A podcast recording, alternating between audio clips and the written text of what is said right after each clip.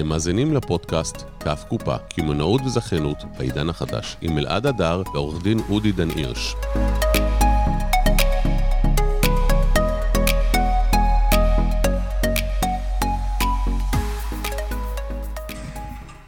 טוב, בוקר טוב, בוקר טוב, אודי, מה העניינים? בוקר אור, בוקר אור, נתי לא איתנו, אז אני צריך לדאוג אתה האיש הטכני, החלשת, שמת בשקט. שמתי בשקט, אני צריך. לדאוג לנו לשיתופים. כן, אז תשתף לנו. אני בינתיים אה, אשוחח איתכם ואני אגיד לכם שהיום אני ואודי הולכים לדבר על אה, כל הנושא של אה, להגביל אתכם. האם באמת כזכיינים יכולים להגביל אתכם? האם אתם מסיימים הסכם זכיינות? לצורך העניין, רכשתם זיכיון של רשת פיצריות וסיימתם איתם התקשרות של חמש שנים ואתם לא מעוניינים להמשיך, והאם מותר לכם להמשיך שם פיצריה בשם דומה, שם שונה? מה לעשות עם הזיכיון? כל זאת ועוד, אה, ועוד היום עורך דין אה, אודי דן הירש הולך אה, לעלות, ואנחנו הולכים להתפלפל על הסוגיה. כן, אנחנו הולכים היום, אלעד, לדבר על נושא שהוא באמת מעניין אה, הרבה מאוד אה, זכיינים. אני רואה את זה אצל זכיינים שמגיעים אליי, זו שאלה מאוד מאוד נפוצה. האם כשאני מסיים הסכם זיכיון, ניתן להגביל אותי מלפתוח עסק אה, מתחרה? מגיע... תגדיר, תגדיר מתחרה רגע, שידעו. אוקיי, אז נניח בצד את כל השיתופים, אנחנו נעשה אותם אחרי זה. אתה רק תשתף לי בעמוד ה- יאללה, האישי שלי, כי, אוקיי. כי זה חשוב לי. אוקיי, מה זה עסק מתחרה? בוא נאמר שאני היום זכיין, שרוצה לפתוח סניף של אה, פיצה, מהמם. ולוקח זיכיון. האם כשאני מסיים את הסכם הזיכיון שלי, אפשר לאסור עליי לפתוח עסק בתחום הפיצה? ואם כן, איזה מגבלות אפשר לשים עליי? האם אפשר לאסור עליי... את חופש העיסוק.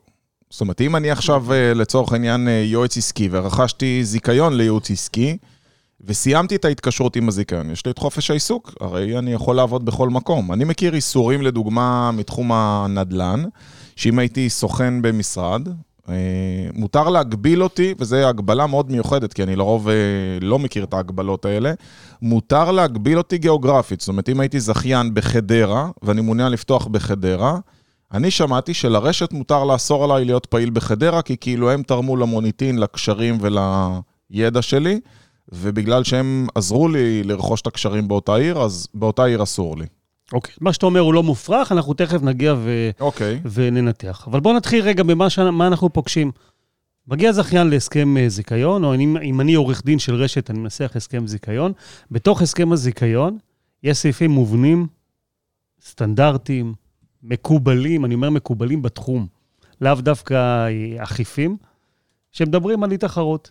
על איך אנחנו מגבילים את הזכיין, שאגב, זו זכות לגיטימית של רשת, רשת שנותנת לזכיין זכות לפתוח, לפתוח סניף, אה, רוצה לוודא שבסיום ההתקשרות, הזכיין לא יוכל לקחת לה...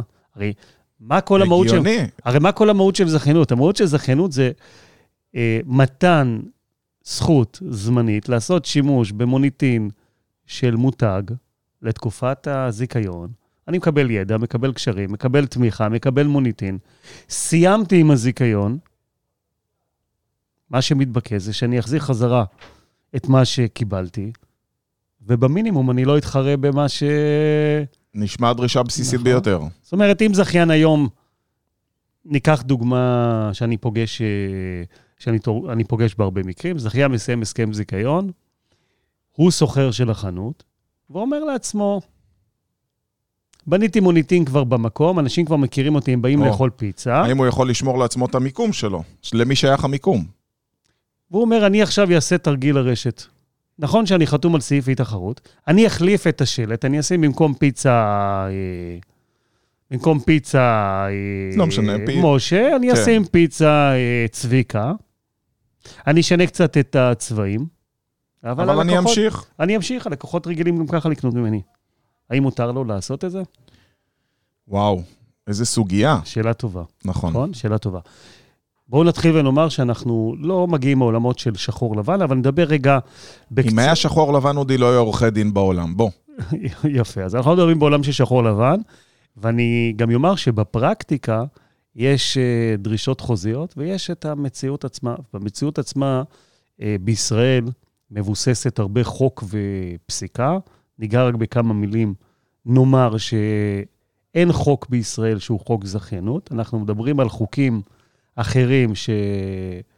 שחלים, כמו חוק החוזים, אה, לדוגמה, שממנו אנחנו לוקחים, אה, יש לנו הגבלים עסקיים, אה, ויש לנו חוקים נוספים שמהם אנחנו משליכים, וגם על, על כל ההתנהלות של בין, בין מזכה לזכיין. אז אני אומר, אין חוק, ואז מה שקורה זה שמתפתחת פסיקה שלמה של בתי משפט, אוקיי? שקובעת, שופטים נדרשים לאותה סוגיה, האם בסוף ניתן להגביל את אותה תחרות שנקבעה בתוך, ה, בתוך ההסכם. אז מה שחשוב להגיד, שכשאנחנו נוגעים בסוגיית האי-תחרות, רשת שרוצה באמת שיהיה לה סעיף שהוא סעיף אכיף, צריכה לשים סעיף שהוא, שיש שם, שהוא סביר, שהוא מגביל באופן סביר את חופש העיסוק. אם אנחנו נלך למקום קיצוני, ואני רואה את זה הרבה פעמים בהסכם זיכיון, בא עורך דין של רשת ושם הסכם, ושם סעיף מאוד מאוד מאוד גורף, זכיין ש... של הרשת, נאמר בתחום המזון, אגב, נתנו דוגמה, מסיים את הסכם הזיכיון, לא יכול להתעסק בתחום המזון במהלך תקופה של 24 חודש. סביר שסעיף כזה... הוא לא חוקי.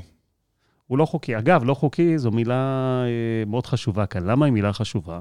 כי אם אני עורך דין של הזכיין ואני רוצה כרגע להעלות טענה, אני יכול לבוא ולהגיד, לדוגמה, שהסעיף הזה הוא הסדר כובל, או להגיד שהסעיף הזה נוגד את תקנות הציבור, אוקיי? תקנות הציבור זה תקנות, אה, כשאני אומר תקנות הציבור, הכוונה שיש סטנדרט, או יש ציפייה ראויה להתנהלות שהיא מגיעה מערכים חברתיים, מוסריים, כמו לדוגמה חופש העיסוק, של מה, שאיך יכול, יכולים בתוך מערכת חוזית להתנהג ומה ניתן לדרוש.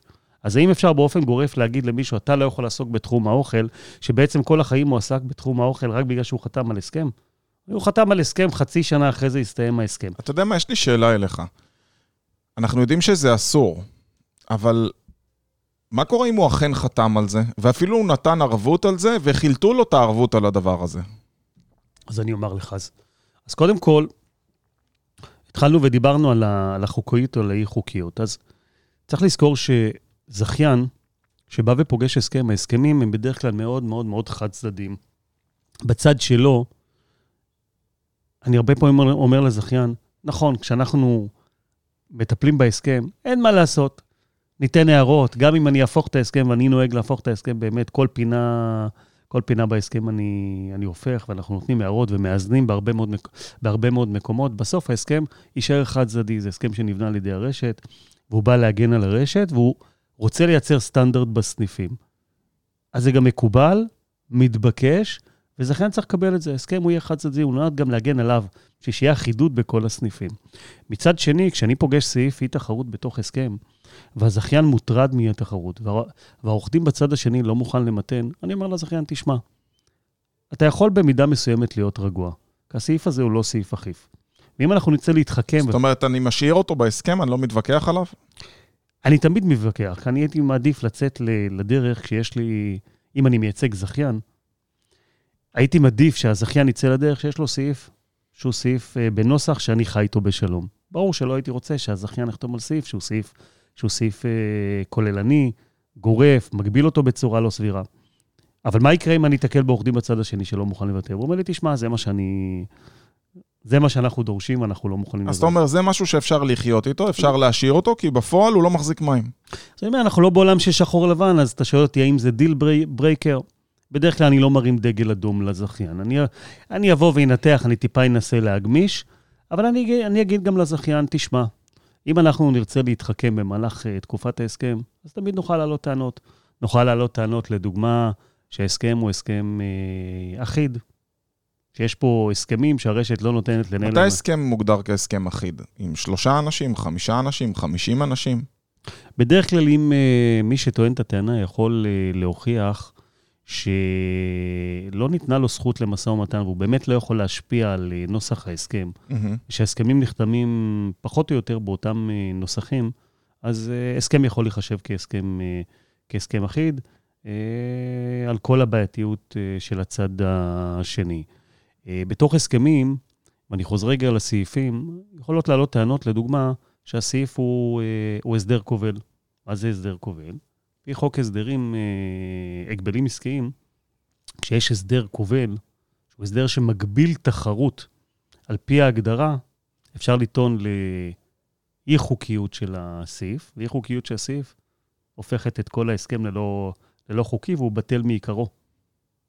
על כל המשמעות הנלווה. תחשוב... כל ההסכם הולך? כל ההסכם הולך. תחשוב שאם יש סעיף לא, לא חוקי, אז...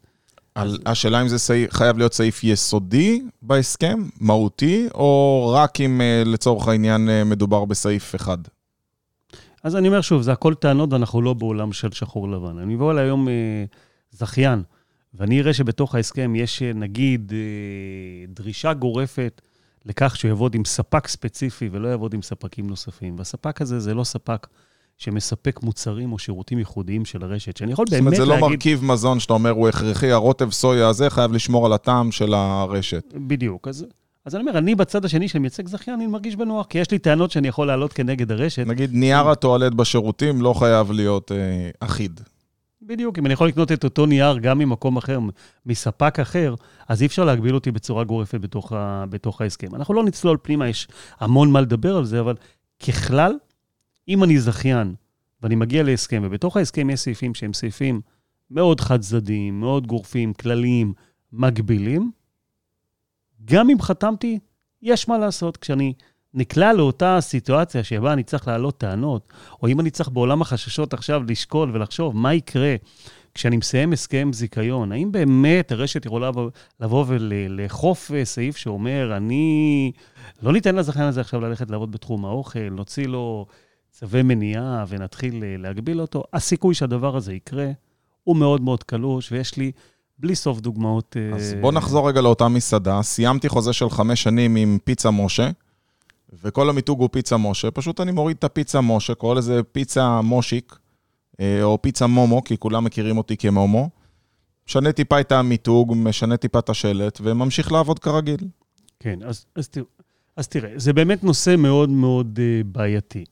בוא נתחיל בלעלות רגע, להסתכל מהצד של רשת. אם אני רשת ואני, ואני מנסח סעיף של הגבלת תחרות, אני ארצה שהוא יהיה סביר. זה סביר מאוד בעיניי לבוא ולקבוע שזכיין שניהל אצלי סניף של פיצה, ברגע שהוא מסיים את הזיכיון, כמו שאמרת, יתחייב לא לפתוח פיצה, אני לא אגביל אותו מלעבוד בתחום המזון, אני גם לא אגביל אותו מלעבוד בתחום הפיצה, כי אם הוא למד לעשות את זה והוא עושה את זה טוב, והוא ירצה לעשות, יהיה קשה מאוד להגיד לו, אל תעבוד בתחום הפיצה. אני, אגב, אני כן אדרוש את זה בהסכם, אבל אני אומר את זה בזהירות מאוד גדולה, כי, כי זה נושא בעייתי. אם אני לא אגביל אותו בתחום הפיצה ואני אגיד לו, אל תפתח סניף בערים שאנחנו מחזיקים אה, סניפים במהלך תקופה של 12 חודשים, אוקיי? או אני אגביל אותו במרחק מסניפים שאני רוצה לפתוח ואני אחייב אותו חוזית לא לפתוח סניף מתחרה בתחום הפיצה, רק בתחום הזה, או בעסק אחר שמוכר פיצות בתפריט אה, כחלק מה... בעיניי זה סביר.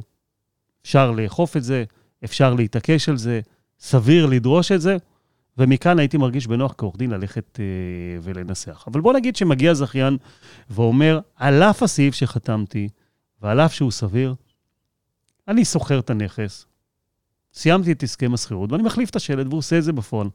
נושא נורא נורא בעייתי. נורא בעייתי. למה הוא בעייתי? כי בוא נחשוב רגע על הצד השני, על הרשת. מה הרשת יכולה לעשות?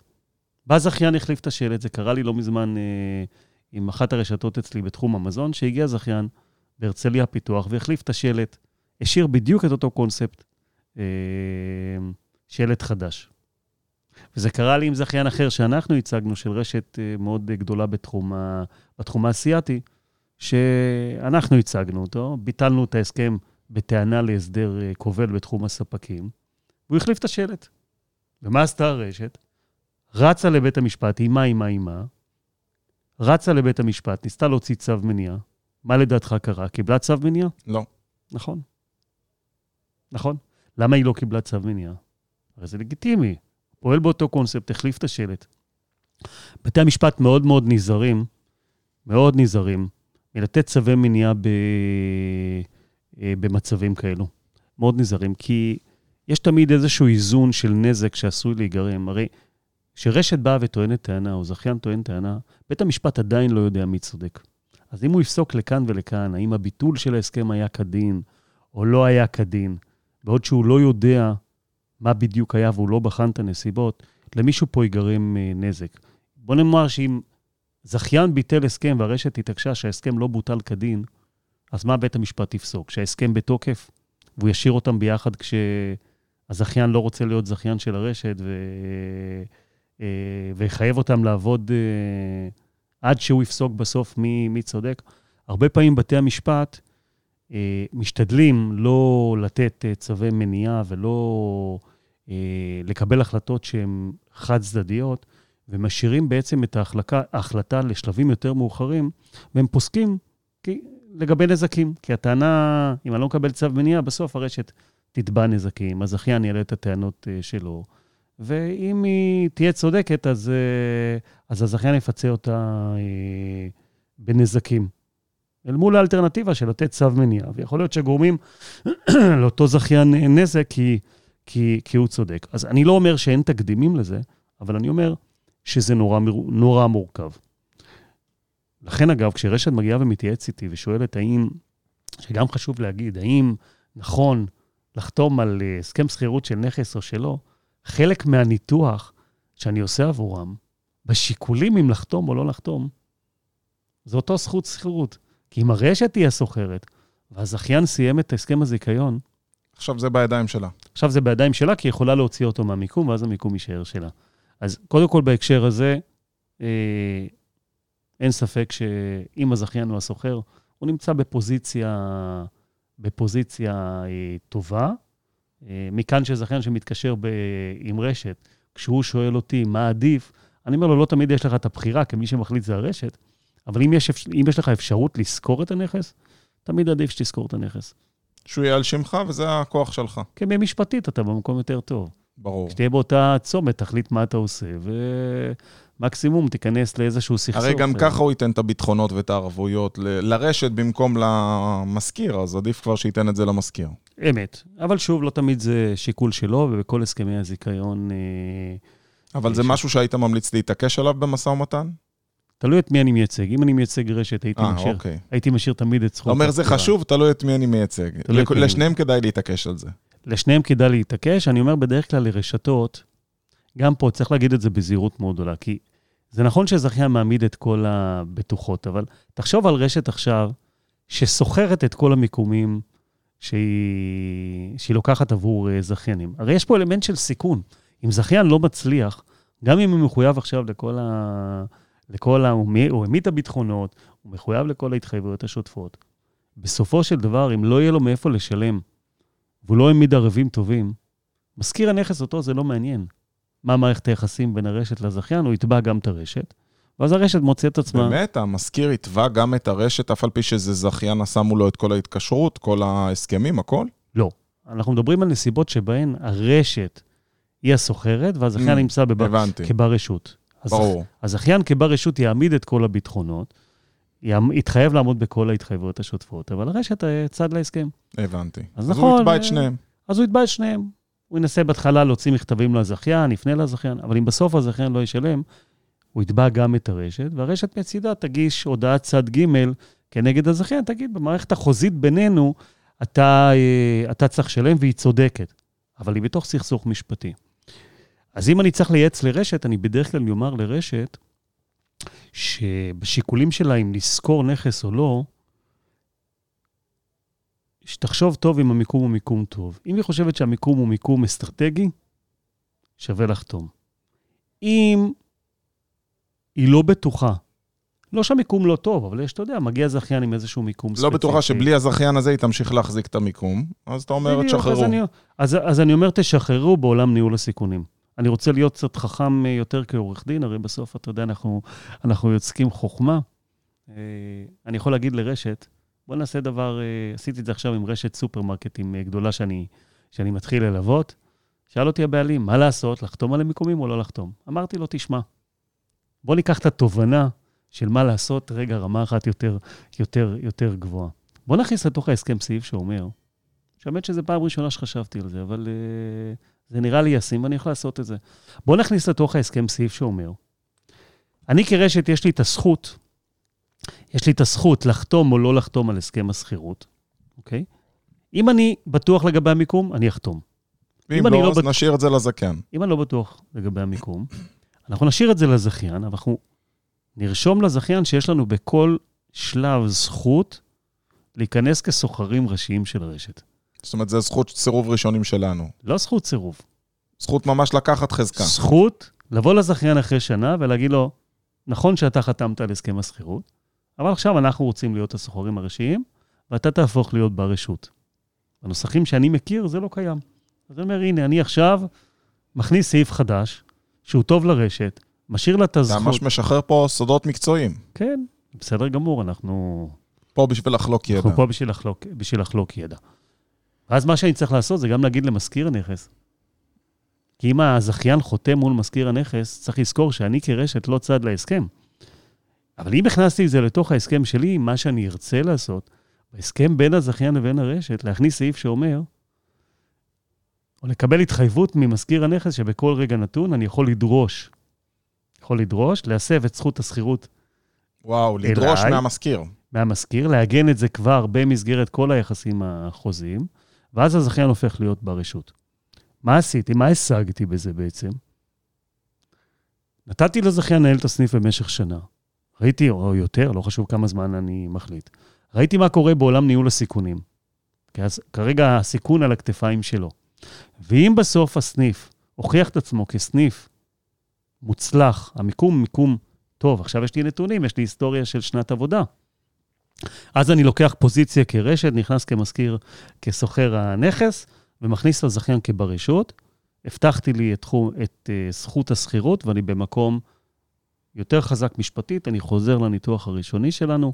עבור רשת זה עדיף, בסיום מערכת היחסים עם הזכיין. ואם אני מחליף מיקום, עכשיו אני אתחכם, לצורך העניין, אני באותו מרכז מסחרי, בסדר? או נגיד, אה, בוא נדמיין, אתה מכיר את, אה, את כיכר חדרה, שיש שם את כל השוערמיות מסביב לכיכר? כן.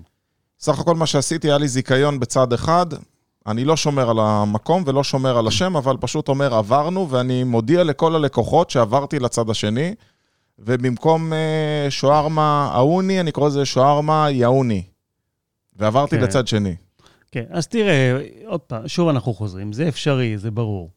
אה, למיקום יש משמעות, גם שיפוט של חנות עולה, עולה כסף. אם ניקח את זה, כן, דוגמה על סניפים של בתי קפה או סניפים של פיצריות, אלה השקעות מאוד גדולות. אז אם אני עובר את הכביש ואני לוקח מיקום חדש כזכיין, קודם כל אני צריך לבצע השקעות ולה, ולהשקיע. אם אני הייתי אותו זכיין, לא הייתי לוקח אה, סיכון, כי אני כן פותח חזית מול רשת.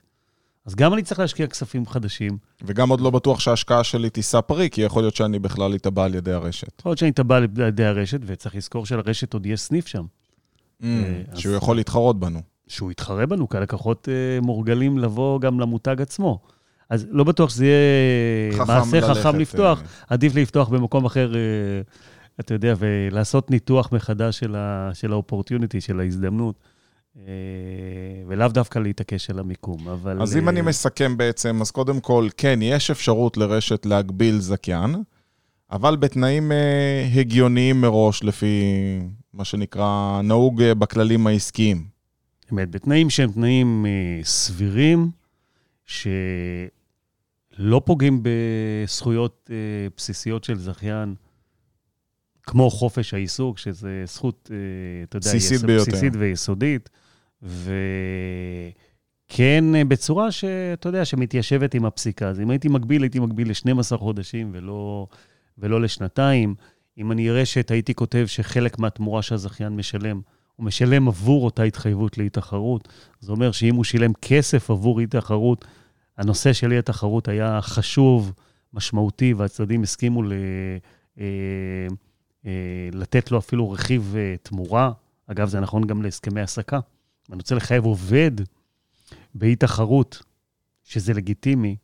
וואו. אם אני לוקח חלק מהתמורה ואומר, חלק מהתמורה משולמת עבור אי-התחרות, אז uh, זה הרבה יותר חזק כשאני מגיע בסוף, וזה צריך לעמוד במבחן המציאות uh, בבית, בבית משפט. אז אם אני אראה שאת אלה הדברים שאני עושה, סעיף שהוא סעיף סביר בנוסח שלו, ומנסה ל- לקחת חלק מהתמורה ולהראות שהנושא הזה היה נושא, נושא משמעותי.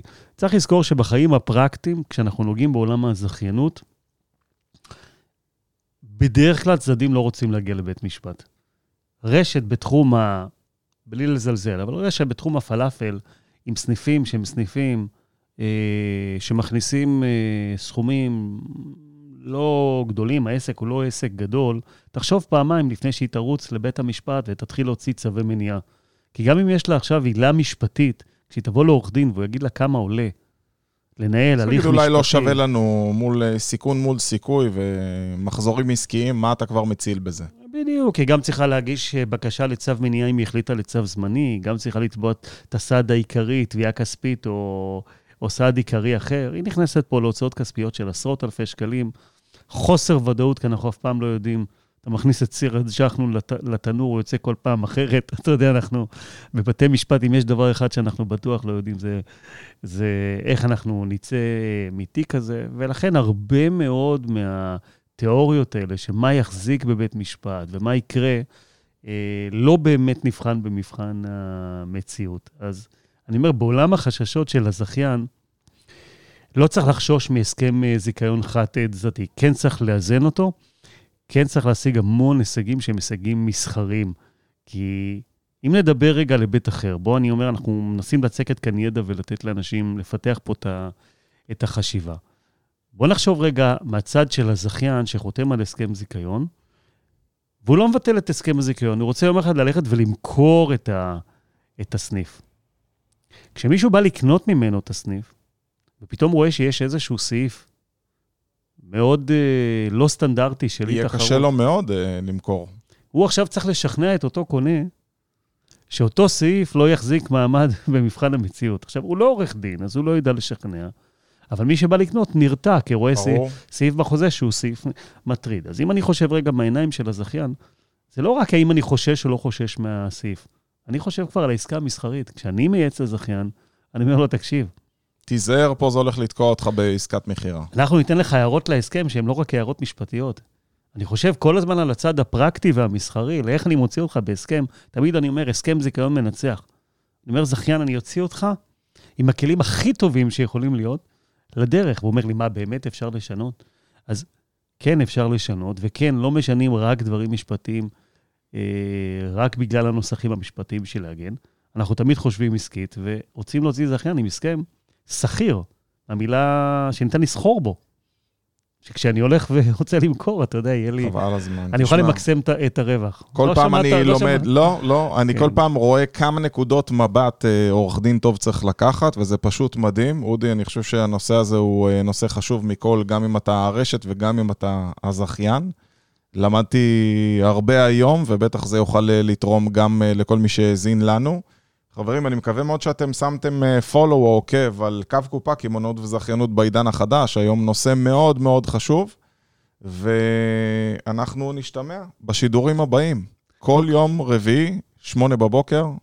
קודם כל, אני לא מאמין- משהו? אני לא מאמין שאנחנו סיימנו. קצת.